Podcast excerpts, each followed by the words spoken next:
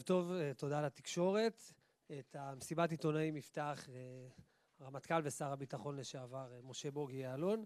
אחריו אנחנו נעבור לנציגי הסקטורים לפי הסדר. עורכת הדין נוגה רובינשטיין ממאבק הגלימות השחורות, אחריה דוקטור רני ברנע, החלוקים הלבנים, אחריו ענבל אורפז ממאבק עובדות ועובדי ההייטק, לאחר מכן פרופסור ראובן גרונאו שהוא מבכירי הכלכלנים, ואחריו נדב זלצברגר מחאת הסטודנטים. חוץ מזה נמצאים איתנו נציגים נוספים של סקטורים ותנועות מחאה וקהילות ומגזרים, מאדריכלים, מהדתיים הצעירים, תנועות המחאה, הפעילים, נמצאים כאן כולם. מי שידבר הם הנציגים על השולחן ונתחיל. ערב טוב ותודה שהגעתם. התכנסנו הערב משום שמדינת ישראל נמצאת במשבר מנהיגותי, פוליטי וחוקתי שלא ידענו כמותו מאז הכרזת העצמאות ב-1948. ממשלת ישראל מובילה בכנסת הפיכה משטרית מדמוקרטיה לדיקטטורה, תוך ניצול החוק, התעלמות מהחוק וחקיקת חוקים שיאפשרו לחבריה לשלוט ללא מצרים. המציאות הזו עוררה תנועות מחאה רבות ואזרחים רבים שחרדים לעתיד המדינה. אנחנו רואים אותם יוצאים לכיכרות ולרחובות ביחד ולחוד, מתוך דאגה עמוקה למצב ועתיד המדינה כמדינה יהודית ודמוקרטית. תוצאות הבחירות ברורות ואיננו מתכחשים להן, אך שלטון הרוב אינו עריצות הרוב בשום דמוקרטיה. בכל משטר דמוקרטי יש איזונים ובלמים בין רשות מבצעת, הממשלה, לרשות מחוקקת, אצלנו הכנסת, הרשות השופטת, שומרי סף כמו מבקר המדינה, יועצים משפטיים במשרדים השונים ותקשורת חופשית. בשיטת המשטר הישראלית בין הממשלה לכנסת אין הפרדת רשויות, והרשות העיקרית שמהווה איזון ובלם לשלטון היא הרשות השופטת. יוזמת החקיקה המתנהלת היום בכנסת ביוזמת הממשלה תחת הכותרת רפורמה משפטית היא למעשה הפיכה משטרית. הניסיון להביא לשינוי בוועדה לבחירת השופטים על ידי רוב של פוליטיקאים מביאה לשלטון מוחלט של הממשלה ולמעשה לעריצות הרוב שזו דיקטטורה. לצערנו הובל על ידי ממשלה שמתכוונת לרסק את הרשות השופטת בגלל הסתבכויות אישיות בגלל הסתבכויות אישיות של ראש הממשלה, מספר שרים וגם חברי כנסת. ראש ממשלה, שרים וחברי כנסת שמדינת ישראל מאשימה, האשימה והרשיעה אותם בעבירות על החוק ובעיקר בשחיתות פוליטית פלילית, לכן אני מגדיר אותה כממשלה עבריינית. בשבועות ובימים האחרונים הממשלה הזו הפכה גם לממשלה לא חוקית. נשיאת בית המשפט העליון הזהירה בנאומה את הממשלה שהחקיקה המכונה רפורמה משפטית היא בלתי חוקית, דגל שחור מתנוסס עליה. הממשלה מתעלמת ותהליך החקיקה נמשך. היועצת המשפטית לממשלה הזהירה את ראש הממשלה נתניהו שהוא נמצא בניגוד עניינים ואסור לו לעסוק בהובלת תהליך החקיקה. ראש הממשלה, שהוא גם נאשם, מצפצף. בג"ץ פסל את אריה דרעי מלכהן כשר בשל הסתבכויותיו החוזרות ונשנות והוא מתעלם. המשמעות, ממשלת ישראל היא גם עבריינית וגם לא חוקית. דגל שחור מתנוסס מעליה. נשיאת בית המשפט העליון והיועצת המשפטית לממשלה מייצגות את החוק. זו משמעות עליונות שלטון החוק שהיה מקובל עד היום על כל ראשי ממשלת ישראל.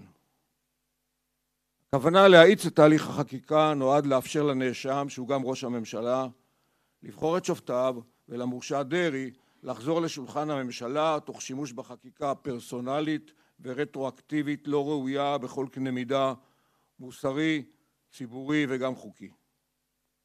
ברור לחלוטין סדר עדיפויות של נתניהו לאחר הסתבכותו, דאגה לעצמו ולהיחלצותו מספסל הנאשמים. לא לאזרחי ישראל, הממשלה עסוקה בחקיקה ולא באתגרים האחרים כמו יוקר המחיה, בריאות, תחבורה, ביטחון וכולי. את התהליך גם ניסיונותיו של נשיא המדינה לעצור את התהליך ולהגיע לאיזושהי הידברות או דיון נענו בסירוב מוחלט. החברה הישראלית מגיעה למשבר הזה לאחר תהליך מגמתי של הסתה, שיסוי ופילוג. יהודים ערבים, ימין שמאל, אשכנזים לא אשכנזים, דתיים לא דתיים, להט"בים ועוד. אין לי ספק שתהליך השיסוי והפילוג נעשה בכוונה תחילה על ידי מי שהסתבך אישית ובנה את מעמדו והתמיכה בו על בסיס של מכונת רעל שקרית ומסוכנת שזורה שנאה בינינו. המצב הזה גייס באופן טבעי ולא מאורגן אנשים רבים שמבינים את גודל השעה ויצאו במחאה לרחובות ולכיכרות בהמוניהם. אנשי כלכלה כמו נגידי בנק ישראל בעבר ובהווה, הייטקיסטים, אנשי עסקים ואקדמיה, שמתריעים על הפגיעה בכלכלת ישראל במידה ותהליך החקיקה יושלם ונהפוך לדיקטטורה.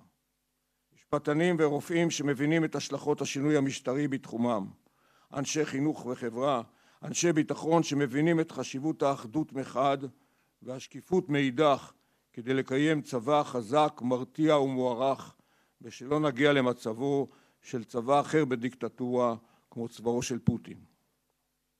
מאחר וצעדי המחאה שנקטנו עד כאן לא עוצרים את ה-D9 העולה על הרשות השופטת, אנחנו, ארגוני המחאה והאנשים שאכפת להם באשר הם, ביום שני הקרוב, ביום בו החוק הראשון מובא לכנסת, אנחנו נשבית את המשק ונעלה לירושלים, תחת הקריאה לעצור את הדיקטטורה.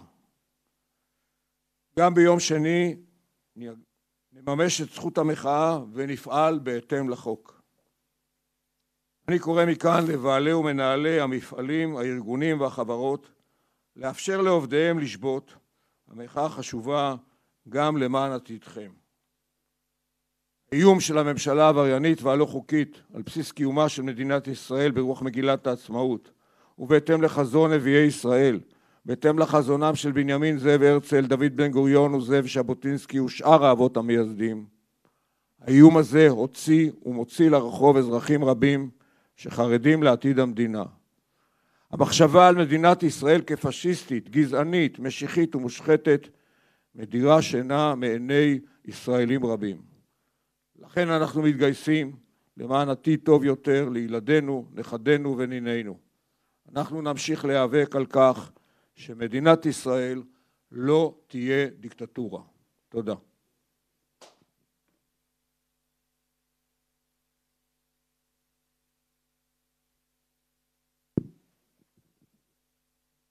רובינשטיין, ממטה מאבק הגלימות. עורכת דין נגה רובינשטיין, ממטה מאבק הגלימות.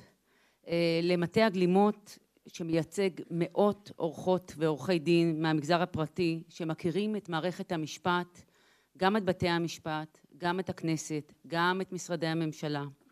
ברור שהחקיקה שצפויה לעבור ביום שני הקרוב תהפוך את ישראל הדמוקרטית כמו שאנחנו מכירים אותה למדינה אחרת. הצעת החוק לא מטפלת וממילא היא לא תפתור בעיות שיש במערכת המשפט. היא לא מוסיפה תקנים, היא לא מוסיפה בתי משפט, היא לא מזרזת הליכים, היא לא עושה דבר וחצי דבר למען האזרחים. היא עושה רק לפוליטיקאים, לפוליטיקאים מושחתים. היא הופכת את השופטים לחלק מההסכמים הקואליציוניים.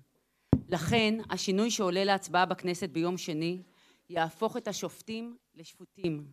השינוי שעולה ביום שני רק יפגע באזרח. השינוי שעולה ביום שני הוא אור ירוק לשחיתות. השעתה, הריצה לרגרסיה המשפטית היא מחייבת גם אותנו, את עורכי הדין ואת אנשי המשפט לנקוט בצעדים דרסטיים. ואנחנו קוראים מכאן, מטה מאבק הגלימות, לכל עורכי הדין ואנשי המשפט לצאת ולהצטרף לפעולות המחאה ביום שני הקרוב.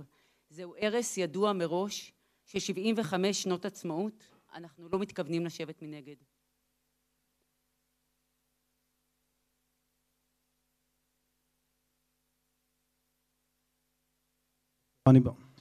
דוקטור רני ברנע מהחלוקים הלבנים, רופאים.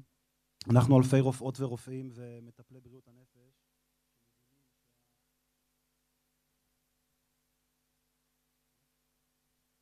דוקטור רני ברנע מהחלוקים הלבנים. אז אנחנו בצהריים היום מאות רופאות ורופאים ממערכת הבריאות יצאו למחות בתוקף כנגד המהפכה המשפטית משום שאנחנו מבינים שהמהפכה הזאת תרסק את האוצר היקר לנו מכל במדינת ישראל והיא מערכת הבריאות השוויונית והמשגשגת שלנו שהחזיקה את המדינה מעל המים שלוש שנים. חשוב לנו להסביר לציבור בישראל למה אנחנו כאן. פגיעה בעצמאות בית המשפט תפגע ביכולת שלו לפרש ולאכוף את חוק ביטוח בריאות ממלכתי שעל בסיסו נעשים כל הפעולות, נעשות כל הפעולות במערכת הבריאות. הדבר הזה והשינוי של המעמד של חוק יסוד כבוד האדם וחירותו מאיימים בעיקר על אוכלוסיות מוחלשות וזכאותן לשירותי בריאות מתקדמים. פגיעה בעצמאות הייעוץ המשפטי במשרד הבריאות תכניס שיקולים זרים עסקיים שכבר אורבים מעבר לפינה להפרטה דורסנית של המערכת וייתנו לגיטימציה למקבלי החלטות לקבל החלטות לא סבירות כמו לדוגמה לא לחסן אסירים או הפרדה עדתית בבתי החולים.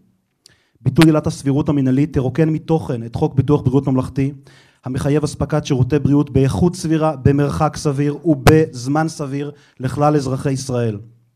ללא יכולת של בית המשפט לקבוע מידתיות של החלטות השלטון בענייני רפואה, איש הישר בעיניו יעשה. מחיקת עבירת הפרת אמונים מחוק העונשין תאפשר לרופאים לפעול בניגוד עניינים תוך הפרת החוזה הפרופסיונלי בין הרפואה לחברה. ראו את משבר האופיאטים בארצות הברית שפגע במיליונים בעיקר במיעוטים המוחלשים. הפקעת הרגולציה והפיקוח על הכשרת העוסקים במקצועות הבריאות תפגע אנושות ברמתם המקצועית ובאיכות הטיפול ותסכן חיים של ממש.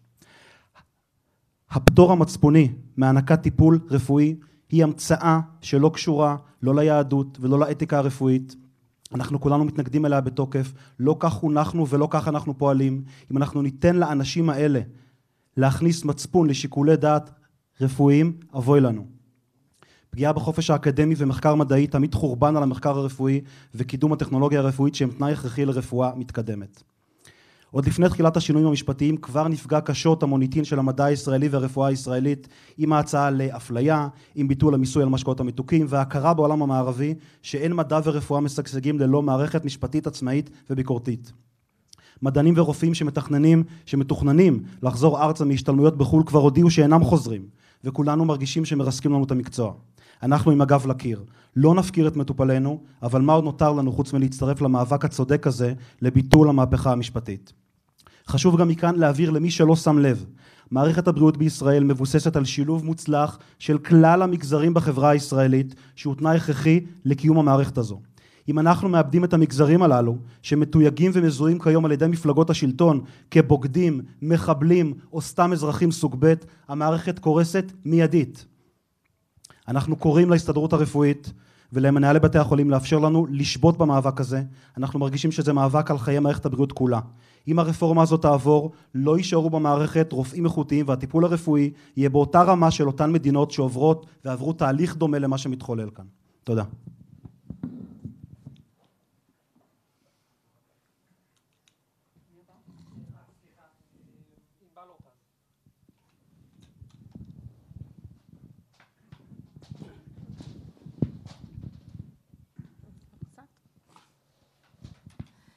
ערב טוב, אני ענבל אורפז ממחאת ההייטק. ביום שני אנחנו שובתים ויוצאים לרחובות. זו לא מדינת ישראל שחלמנו עליה, אנחנו קמים בבוקר עם מועקה, הולכים לעבודה עם תחושה קשה בלב. במציאות הזאת נצטרך לגדל ילדים במדינה דיקטטורית, בלי חופש ביטוי, בלי הגנה על זכויות אזרח. ההייטק מלבלב בדמוקרטיות ונובל בדיקטטורות. המשקיעים עודפים אחרי חופש וסולדים מאי יציבות וחוסר ודאות. הם לא סומכים על בתי משפט מכורים, והכישרונות הישראלים פשוט לא ירצו לעבוד במדינה ששמה פס על זכויות אדם, שבה צריך להתחנן לרשויות עבור זכויות אדם. אין לנו הרבה זמן. אנחנו צריכים לנקוט בצעד הכי חריף שאנחנו יכולים. אז ביום שני אנחנו שובתים ויוצאים לרחובות. אנחנו לא נעבוד, אנחנו נצא, אנחנו נפגין, אנחנו נרעיד את המדינה עד שההפיכה המשטרית הרעה הזאת תעבור מן הארץ.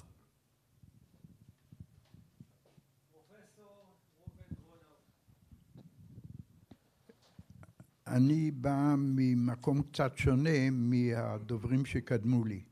רק כדי להציג את עצמי, אני שירתתי בזירה הציבורית לצד שרים, החל מהגברת אלוני וכלה באדונים אטיאס וארדן, כך שאני לא חשוד באיזושהי הטיה פוליטית. אבל אני מסתכל על זה ככלכלן שלימד כלכלה למעלה מחמישים שנה באוניברסיטה העברית. השגשוג של הכלכלה הישראלית בעשרים השנים האחרונות, ואני בעשר השנים האחרונות שימשתי כחבר הוועדה המוניטרית בבנק ישראל, הוא נס. הוא נס אם רק תסתכלו סביבנו על המציאות הפוליטית שבה אנחנו נמצאים. הנס הזה בעשר השנים האחרונות רוכב על כתפיהם של אנשים כמו שותפתי מימין והדומים לה, דהיינו מגזר ההייטק.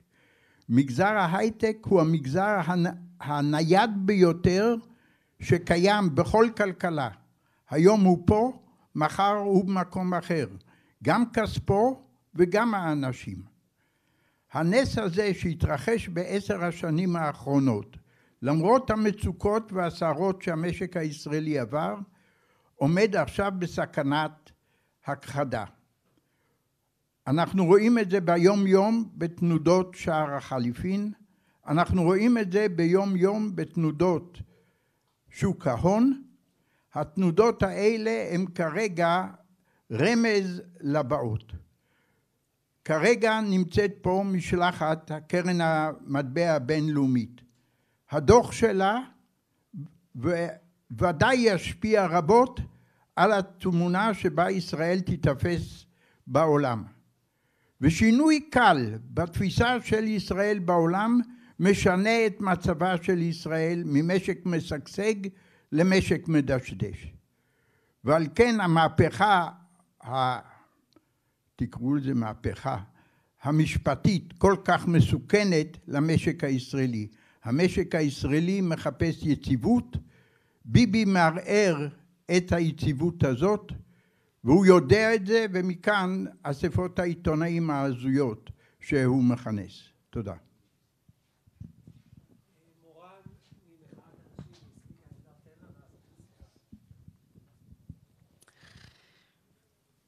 ביום שני נשים שובתות ויוצאות לרחובות. אנחנו 51 אחוז מהאוכלוסייה, אנחנו נמצאות בכל סקטור שאתם רואים פה מסביב לשולחן. אנחנו נמצאות בכל הסקטורים ואנחנו נהיה הראשונות להיפגע מהמהלכים הדורסניים שמקודמים על ידי הממשלה. אנחנו לא נלך אחורה, אנחנו מצטרפות לשביתה ואני קוראת לכל הנשים שרואות אותי עכשיו, תצטרפו אלינו ביום שני, תעלו איתנו לירושלים. תודה. אני נדב זלצברגר ממחאת הסטודנטים. סטודנטים וסטודנטיות בכל ההיסטוריה היו בחוד החנית של מאבק נגד חוסר צדק ועריצות. המאבק הזה הוא מאבק על העתיד שלנו והוא קורה כאן ועכשיו. זה הזמן לעצור את השגרה, לשבש את המדינה, לעזוב את הלימודים והמבחנים. לדמוקרטיה שלנו אין מועד ב'. נמשיך לצעוד עם המרצים שלנו, נמשיך להשמיע את קולנו בוועדת חוקה, בכל צומת וכביש, בקפלן, בכל מוצאי שבת. לא נפתח את סמסטר ב'. השגרה לא תימשך כאילו אין כאן הפיכה משטרית. אני קורא לכל הסטודנטים שצופים בי מהבית, תצטרפו אלינו, קומו, תמכו, אלפים כבר איתנו. יש לנו כוח. אנחנו לא מחכים לפוליטיקאים. אנחנו האנשים שלהם חיכינו. תודה רבה.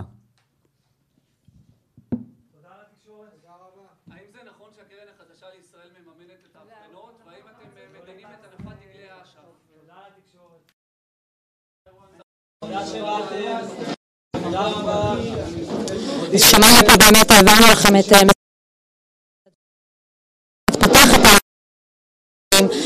הרמטכ"ל ושר הביטחון לשעבר משה בוגי יעלון שבאמת דיבר את הדברים הארוכים ביותר ובעצם הניח את התשתית למסיבת העיתונאים הזאת ובעצם הכריז על הרצון להשבית את המשק ביום שני הקרוב ולעלות בשעה, באזור השעה 12 להפגין בירושלים ובכל רחבי הארץ מול באמת ההליכים הראשונים שעולים לכנסת בחקיקה האנטי-דמוקרטית שהממשלה מקדמת. הוא באמת הגדיר את הכותרת של המחאה הזאת, של הצעדים החדשים והחזקים של המחאה, לעצור את הדיקטטורה. שמענו פה באמת מסרים מאוד מאוד מגוונים, גם כלכלנים, גם הייטקיסטים, גם רופאים. ועוד ועוד, וגם כמובן את הסטודנטים, ומצטרף אליי עכשיו בר פקולה, עוד אחד ממארגני מחאת הסטודנטים. בר, באמת ספר לנו מה החשיבות של מחאה של סטודנטים דווקא בעת הזאת. אז קודם כל, כמו שנדב אמר עכשיו, באופן כללי לאורך ההיסטוריה, תמיד סטודנטים כאוכלוסייה הצעירה, אוכלוסייה שמשקיעה את כל האנרגיה שלה בלהתכונן לעתיד, בלבנות על העתיד, בללמוד ולהשקיע כדי להיות חלק אינטגרלי מהכלכלה והחברה. אנחנו בעצם אלה שהולכים והולכות לחיות כאן בעשרות השנים הקרובות, ולכן גם אנחנו אלה שצריכים לעמוד וצריכות לעמוד בחזית המאבק הזה. יש לנו את האנרגיה, יש לנו את הדם החם, מה שנקרא, העתיד הזה עומד מול העיניים שלנו, ו... מעבר לזה שבסופו של דבר הפגיעה הזאת תהיה מהותית בדיוק באנשים. שמענו את כל מה שאמרו כאן עכשיו, מערכת הבריאות תקרוס, הכלכלה תקרוס, יפגעו בזכויות של נשים, מיעוטים. סטודנטיות וסטודנטים זה כל האוכלוסיות במדינה הזאת, זה הזכויות של כולנו. אבל השאלה שאפשר לשאול זה אולי הסטודנטים כבר התעייפו, אתה יודע, בכל זאת המחאה הזאת כבר נמשכת מעל לחודש, שבוע שבוע וגם באמצע השבוע, צעדות מחאה שונות. באמת שביתה של שעה פה, שעה שם. אולי גם הסטודנטים והסטודנטיות ירגישו שאולי לא יבינו את, את החומרה שהמארגנים פה ניסו להעביר. אין לנו את הפריבילגיה להתעייף, בוא נגיד את זה ככה. נתעייף עכשיו, אנחנו מתים אחר כך. כי המדינה שתהיה פה ביום שאחרי שהדבר הזה עובר, היא מדינה שאף אחד ואחת מאיתנו לא באמת נרצה לחיות בה. גם מי שחושב עכשיו שהכל יהיה בסדר, ושזה איזשהו תיקון למשילות ויעשה כאן משהו טוב, זה פשוט לא נכון. אין לנו את הפריבילגיה להתעייף, ומי שיתעייף, אנחנו נגיע ונעורר אותו אחד-אחת, ואנחנו לא נשאיר אף אחד, וכולנו נהיה בתוך המאבק הזה, אין, אין פה עייפות. זה לא, זה לא הסיפור. תודה רבה בר, תודה. אז באמת שמענו גם את הקולות של הסטודנטים, אנחנו ננסה באמת להביא לכם עוד קולות, גם מטעם באמת הדוברים שדיברו כאן, שיסבירו את הדברים וככה באמת ינסו להמשיך לעשות את מה שהם עשו גם כאן כשישבו ודיברו ליד השולחן, וזה לעורר את הציבור להצטרף למחאה הזאת. אנחנו העברנו את הדברים במלואם בשידור חי ובאמת נמשיך ללוות את כל המחאות. אנחנו עוד רגע נביא לכם גם את נציגת מחאת הנשים. מורן? אין לי... אין לך...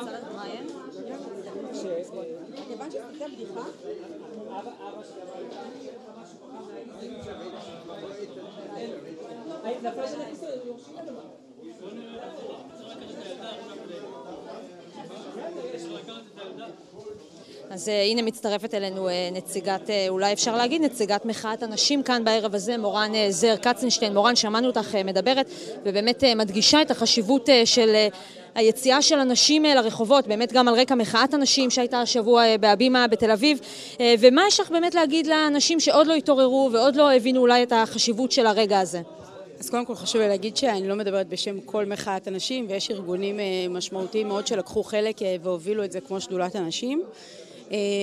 אבל כן, אם אני כאן, אני חושבת שיש נשים שהבינו את המצב והם כבר איתנו, אבל יש קהל מאוד מאוד גדול של נשים מכל הסקטורים הפוליטיים בעצם, שלא מבינות על מה המהומה. ואני חושבת שאחת המשימות שלנו כנשים שכן מבינות את הסכנה שעומדת בפתח, זה לגייס. אם את רואה אותי ואת כבר מבינה את הסכנה, תקחי עשר חברות שלך שאולי לא מבינות את הסכנה ותדברי איתן ותביאי אותן איתך ותגרמי להן לשבות ותגרמי להן לבוא איתך לירושלים. אם כל אחת תביא איתה עשר נשים ולא תמיד זו שיחה שהיא נעימה ולפעמים יחשבו שאת אה, היסטרית או שאולי את לא מבינה ושהכול בסדר ושזו סתם, אה, שאנחנו סתם מפחדות אבל זה לא באמת. יש פה סכנה אם כל אחת מכן תלך לחברות שלה שהן בדרך כלל שקטות, לא מעורבות ותביא אותן, אנחנו נוכל לייצר פה שינוי. תודה רבה מורן. אז באמת תודה רבה לכם שהייתם כאן וצפיתם בשידור החי ממסיבת העיתונאים כאן בתל אביב. תפגשו אותנו גם כמובן בסיקור המחאות הבאות, איפה שיש מחאה, שם אנחנו נהיה בדמוקרט TV. תודה רבה וערב טוב.